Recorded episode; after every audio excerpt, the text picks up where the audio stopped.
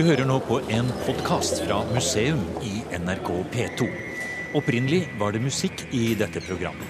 Men det har ikke NRK rettigheter til å podkaste. Så her kommer en redigert utgave uten musikk. Nå er vi inne i et stort uh, stillas som er uh, bygget uh, rundt tårnet.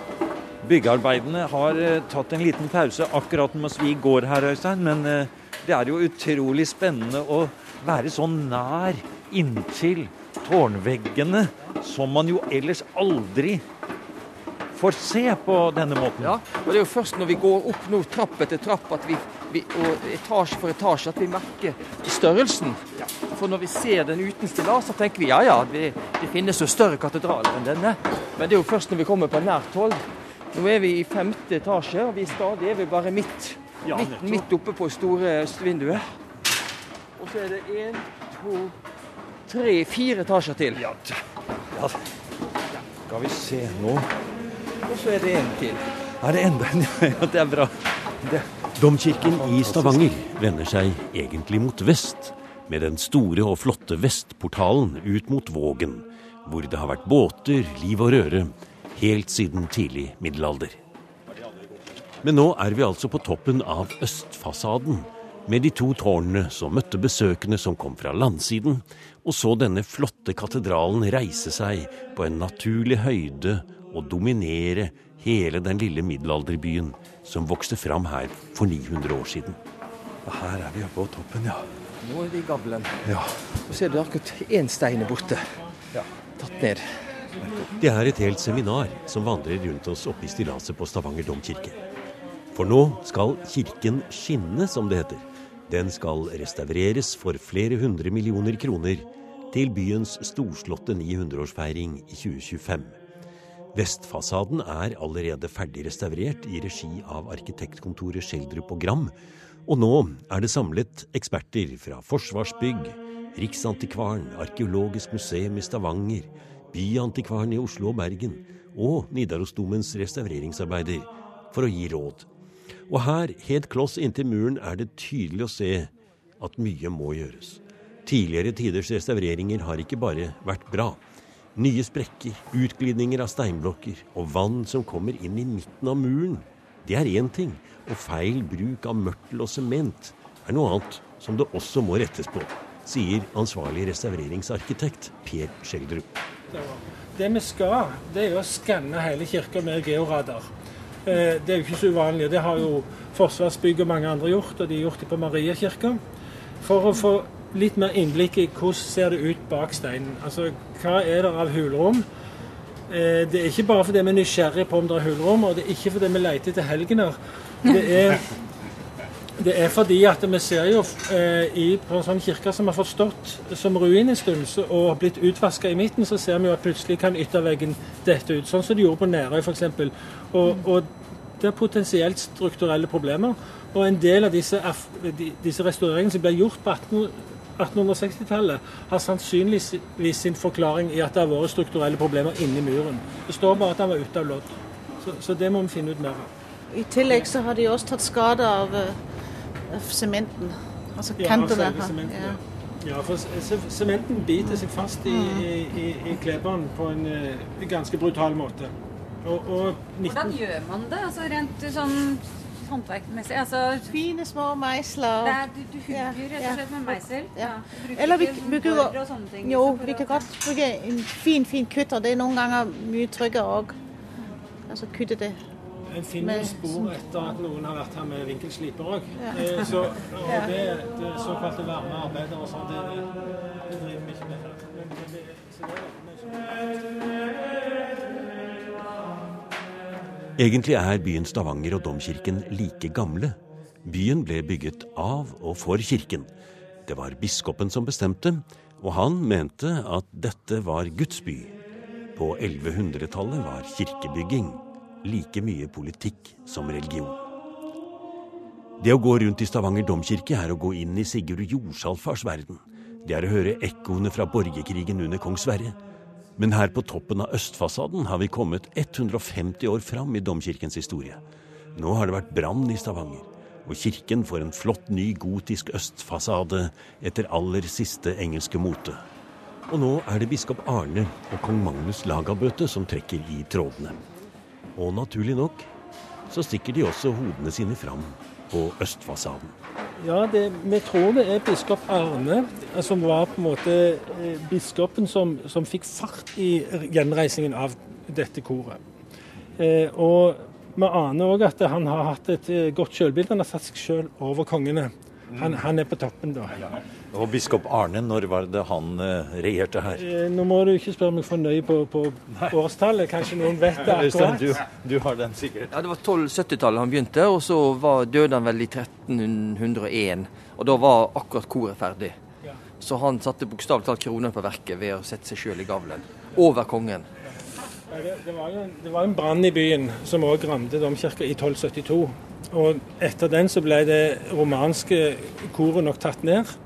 Og selvfølgelig masse stein brukt igjen og sånn. Og så var det en utvidelse. Det hadde vel med en utvidelse av, av ja, altså antallet personer, antallet kanniker osv. Så videre. så det, altså selve bispesetet ble utvidet sånn administrativt. Og både dette og kongehodet lenger nede er originalt. Eh, det er lagt i veldig god stein, med andre ord.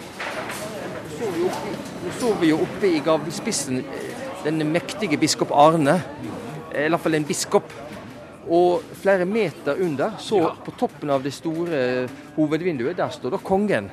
Og så tenk på at vi er eh, det, Dette er politikk. Slik at det, dette er nok et uttrykk for den veldig spente situasjonen det var mellom kongemakt og kirkemakt på slutten av 1200-tallet, ved at biskopen veldig poengtert har satt sitt e-, bilde langt over kongens bilde her over store østvinduet. Og det er jo så få som har stått her som vi står nå, og kan se rett inn i kongens øyne ja. eh, på nært hold, på en meters hold, eller vi kan gå enda nærmere. Og det vi ser, er jo at det er egentlig, ja etter hvert fall mitt skjønn, så er det jo, så er det jo ganske flott uh, håndverk her også. Det er det. Eh, og, og nå, denne her, han ligner jo veldig på den vi har også inne i koret, eh, på sørsida. Eh, og som blir jo regna som et, et, et, et, veldig fint kongeportrett fra si 1270-tallet, 1280-tallet. Skal vi si Det er en litt sånn dandy kan vi konge. Ser den ba, ja, skulle si det. Sånn, barten som, som, som, som krøller seg. Ja, men den krøller seg nedover. Og skjegget er veldig fint Veldig fint frisert. Og så har han uh, skulderlangt hår som også krøller seg. Og så er det da i panna er det da små krøller, ser det ut som. Og så er det da den flotte krona med, med liljer, liljespir, ja, som er, er, satt på. Og så ser vi at han har en veldig bekymra sånne ja, skulle til å si, Han ser litt bekymret ut. Sånne, sånne, nyver over, over neserota. Og det er jo tegn på at det er det er ikke alt som er like enkelt der. Han har litt å tenke på når det gjelder forholdet mellom kirkemakt og kongsmakt. Ja, han ser, han ser veldig bekymra ut. Og det hadde han kanskje god grunn til også. I likhet med katedralarkeolog Øystein Ekkerhold fra Nidarosdomens restaureringsarbeider, har seminardeltakerne studert katedraler og klosterruiner over hele Europa. Noen er eksperter på det rent arkitektoniske, andre på symboler og det som for oss i dag kan ha gått tapt av betydningen av at ting måtte være på en bestemt måte, f.eks. hvor viktige de forskjellige portalene var. Det skal vi snart høre mer om, når vi blir med seminarer litt lenger ut i havet, til Utstein kloster. Men vi holder oss litt til her i Stavanger domkirke. Og vi spør en av dem som er ekspert på geologi og hvilke kjemiske prosesser som virker på byggesteinene, nemlig geoarkeolog Per Storemyr fra Norsk Kvernsteinsenter i Hyllestad. Han kan fortelle at steinene i en 900 år gammel katedral også kan fortelle en historie om forurensning, i form av svarte skorper eller svart belegg på byggesteinene. Er det noe av det på katedralveggene her i Stavanger? Ja, man finner spor av det, men man finner ikke mye spor her i Stavanger. Her har det regna vekk, og det har vært veldig lav forurensning her også. da. Det starta jo på eh, midten av 1800-tallet med import av kull fra England. Eh, og så har det vært eh, normal dieselfyring og kullfyring og sånt nå. Og så kommer det liksom det moderne Norge, og så går det litt opp, og så går det ned under krigen, for da var det mang mangel på det.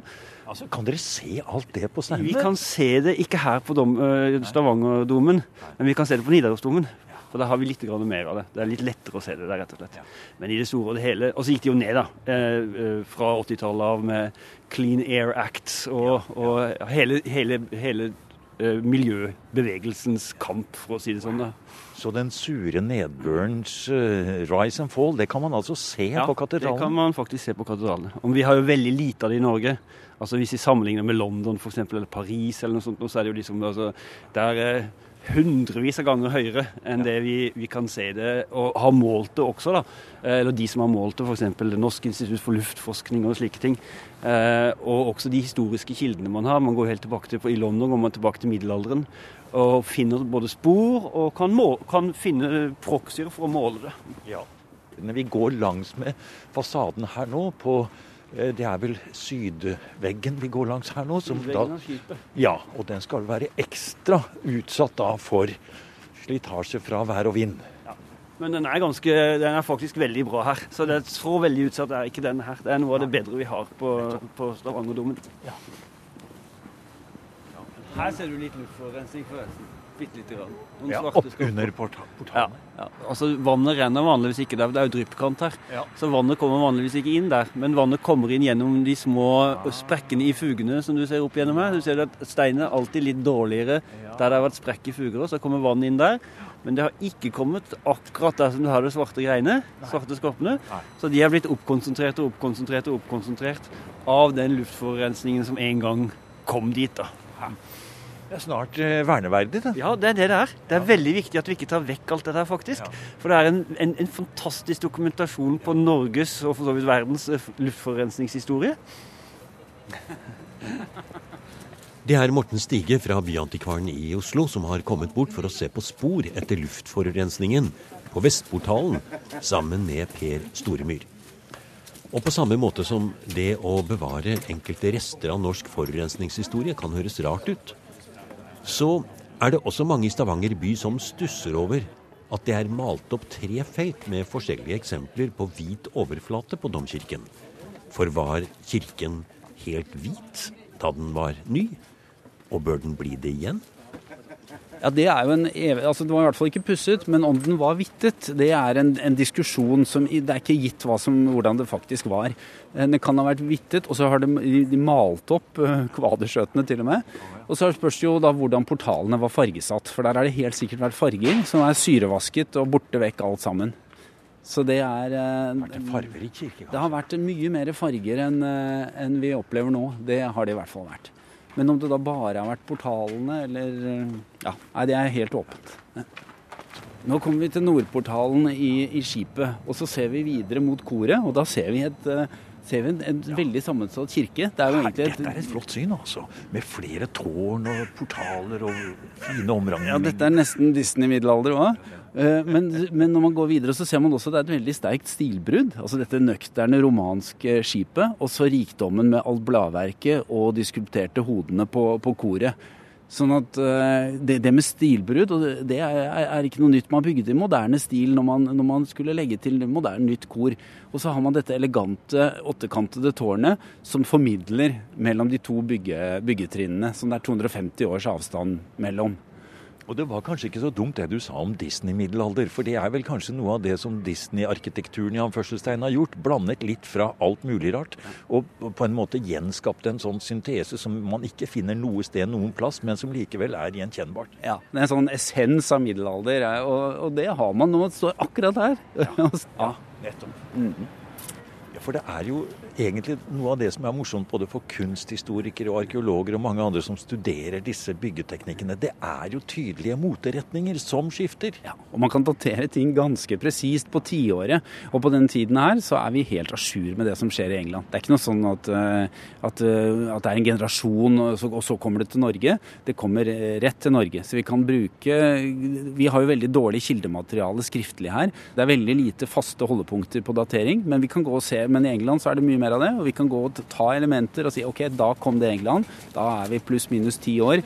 Og da treffer vi det som skjedde her i Oslo og Stavanger. Det er noen ganger lett å glemme at det ikke er inn i den katolske tiden og inn i middelalderen vi går når vi åpner dørene til de gamle kirkebyggene. Det er en protestantisk og renset versjon av kirkerommet, nøkternt og tilpasset en moderne stil. Det er vel ikke engang katolsk light når sant skal sies. Men Stavanger domkirke har mye som er bevart, og både utvendig og innvendig er det lett å se hva som er fra de forskjellige tidsaldrene, sier Morten Stige. Ja, ja, det er jo en av de kirkene som har beholdt mest av middelalderen. Eh, altså, som bygningskropp så er jo en av de mest intakte middelalderkirkene vi har. Og absolutt den mest intakte av domkirkene. Ehm, så var den jo mye rikere i interiøret helt frem til man begynte å restaurere på den. For da var det lag på lag, også med barokk. Sånn at det var stoler og, og det vi, som er beholdt her også, med, med disse minnetavlene, epitafiene, og prekestol som er av også ypperste klasse. Så det er en, en lag på lag med, med, rikdom her, enten det er skulpturen fra middelalderen eller det er inventaret fra barokken og, og, og, den mer nøkterne tiden etterpå med en annen smak, og, restaureringens ønske om å ta det tilbake til middelalderen, som har gjort at rommet er blitt litt tørrere enn det var eh, på slutten av 1800-tallet. Nettopp. Og nå hørte vi kirkeklokkene ringte litt her. Eh, og det er på en måte sånn kontinuitets ting som jeg tenkte på da. ikke sant? Fordi at kirkeklokkene har jo gitt sine sin, sin lydeffekter utover hele dette landskapet helt fra da 1100-tallet. Eh, og det er vel ikke så mange ting i vårt samfunn i dag som har en sånn type 900 år, 1000 år lang kontinuitet. Mm. Så på en måte så er det vel også lov å se på disse bygningene også i et sånn kulturhistorisk perspektiv, og det gjør man jo til de grader.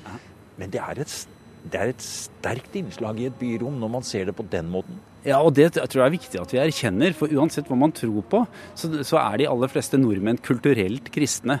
Det er, det er, en del av kulturarven vår som ikke handler om, om, om personlig tro, men som handler om verdier og, og, kulturelle referanser. Og det er både kirkebygg, kirkekunst, lyden av kirkeklokker eller, eller en orgelkonsert. Alt sammen er en sånn arv som man ikke kommer unna.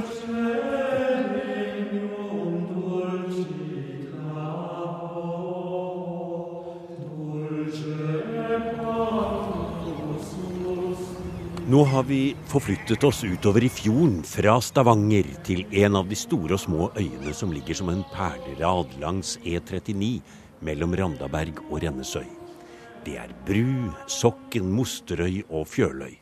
Og selvsagt Klosterøya, hvor Utstein kloster ble grunnlagt, kanskje omtrent samtidig med Stavanger domkirke. Videre, rett ut i havet, ligger Kvitsøy, og for den saks skyld Storbritannia neste. Men viktigst for beliggenheten er nok innseilingen til Boknafjorden og en fantastisk skjermet våg like nedenfor klosteret. Perfekt for langkjølete båter uten noe særlig dybde, med andre ord vikingskip. Mange mener at Harald Hårfagre hadde en av sine kongsgårder her.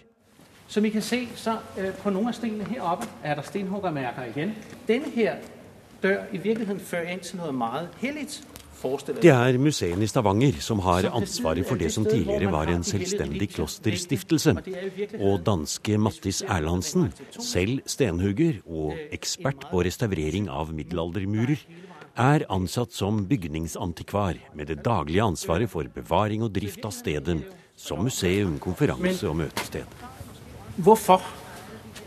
Det har jeg spurt meg selv. Men rent teknisk, som stenhugger, da skal man sånn vende det hele på hovedet og så starte et helt annet sted. Og all den stund der er fire forskjellige sten, måske fem, Per vet mer om det, øh, så har vi fem brud. Fire brud, fem brud. Og de har forskjellige benkhøyder. Det her er din benkhøyde.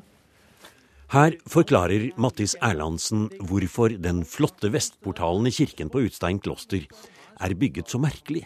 Den er presset sammen og står ikke midt på veggen. Og mens Erlandsen går inn i den fascinerende stenhuggerteknikken, nærmer vi oss spørsmålet om portalenes sterke symbolverdi. Det vi må prøve å forstå, sier postdoktor Margrete Syrstad Andås fra NTNU, er at man i middelalderen hadde et helt annet tenkesett når det gjaldt den religiøse høytid det var å tre inn i et rom som var renset og salvet. For å i hele tatt forstå eh, hvordan de tenkte, så må man på en måte forstå utgangspunktet. Og sånn er det jo fremdeles i det ortodokse og til dels i de katolske kirker. Altså at det å vigsle i kirke det omgis med store ritualer. Og man renser den med vann, med hellig vann, og man salver den sånn som Kristus ble salva. ikke sant? Det, det, er en analogi her. Og så salver man alteret og relik ved å flytte inn. Helgenene tar rett og slett fysisk bolig i denne her kirka, og da blir det til noe kvalitativt annet. Det er ikke det samme som rommet utafor lenger, for rommet utafor er befengt med det onde, det besmitter etter fallet, mens inni er det rent og gir oss på en måte en kanal opp, en mulighet til frelse. Og dermed så blir døra noe helt annet. Det er ikke bare et snakk om å bevege seg inn et sted og få en annen atmosfære, men det er rett og slett den der grensa mellom muligheten til frelse eller ikke muligheten til frelse.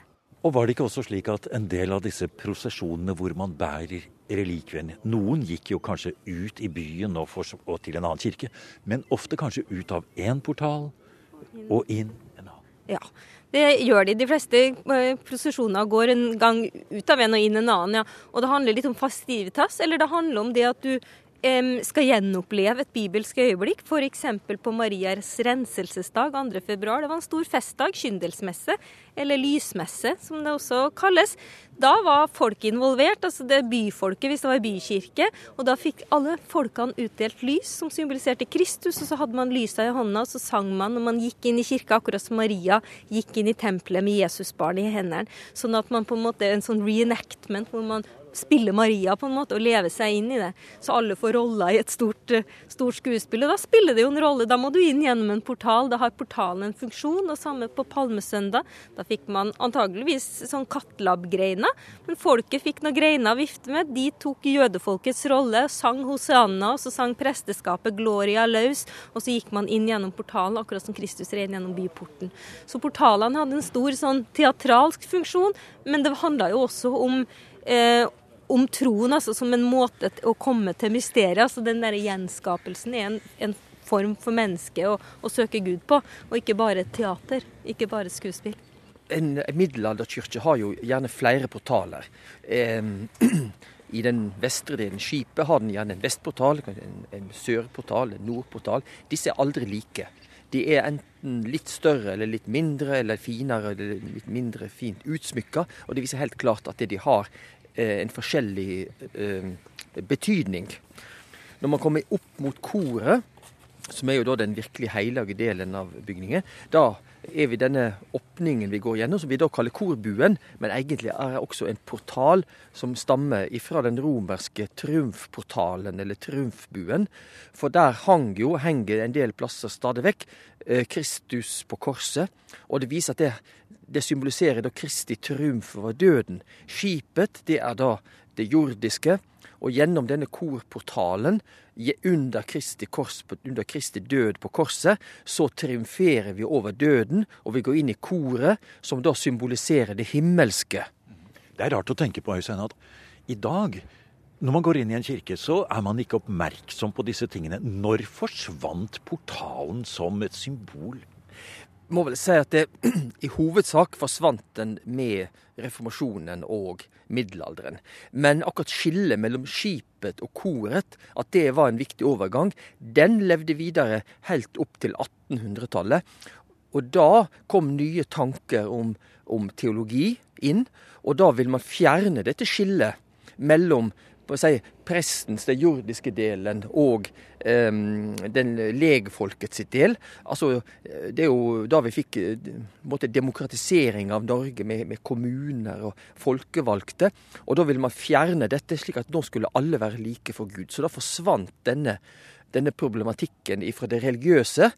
Men den levde jo videre i andre sammenhenger. Tenk bare på vi som er gamle nok til å gå inn i en bank en bankportal, en bankdør, er veldig Man føler seg ganske liten når man skal inn der og i fall kanskje skulle søke om et lån. Eller, eller rek rektors dør på skolen. Også veldig stor og tung dør man måtte inn igjennom. Og i dag eh, så har vi jo faktisk innført begrepet på en annen måte. Vi snakker om nettportaler. Det sant, ja. Og portalene har fått en ny eh, å si, betydning på internett. Så morsomt. Ja, men det er på en måte den samme tenkninga. At det, det, det, er, eh, det er vel det som heter grensesnitt. Altså data, Dataskjermen er grensesnittet, og det er altså fra vår fysiske verden. Så kan vi da gjennom skjermen tre inn gjennom nettportalen inn i en si en, en, en, teoretisk verden, men det er faktisk veldig mye av den samme religiøse tenking. Portalen er forbindelsen mellom ute og inne. Og vi vet bl.a. i middelalderen at mange av de religiøse seremoniene de starta akkurat i døråpningen. F.eks. dåpsritualet starta jo på utsida av døra, der den første delen foregikk. Og så flytta man seg inn der da avslutninga skjedde. Andre ting, f.eks. med folk som hadde begått synd, eh, skulle ha, måtte ha bot, eh, skulle straffes. Det også foregikk ved portalene. Også rettssaker kunne skje ved at den som dømte, sto inne, og den som skulle dømmes, sto ute. Vi vet at det portalene var bokstavelig talt et spørsmål om liv og død. Du har hørt en podkast fra NRK P2. Send gjerne en e-post til museum krøllalfa nrk.no.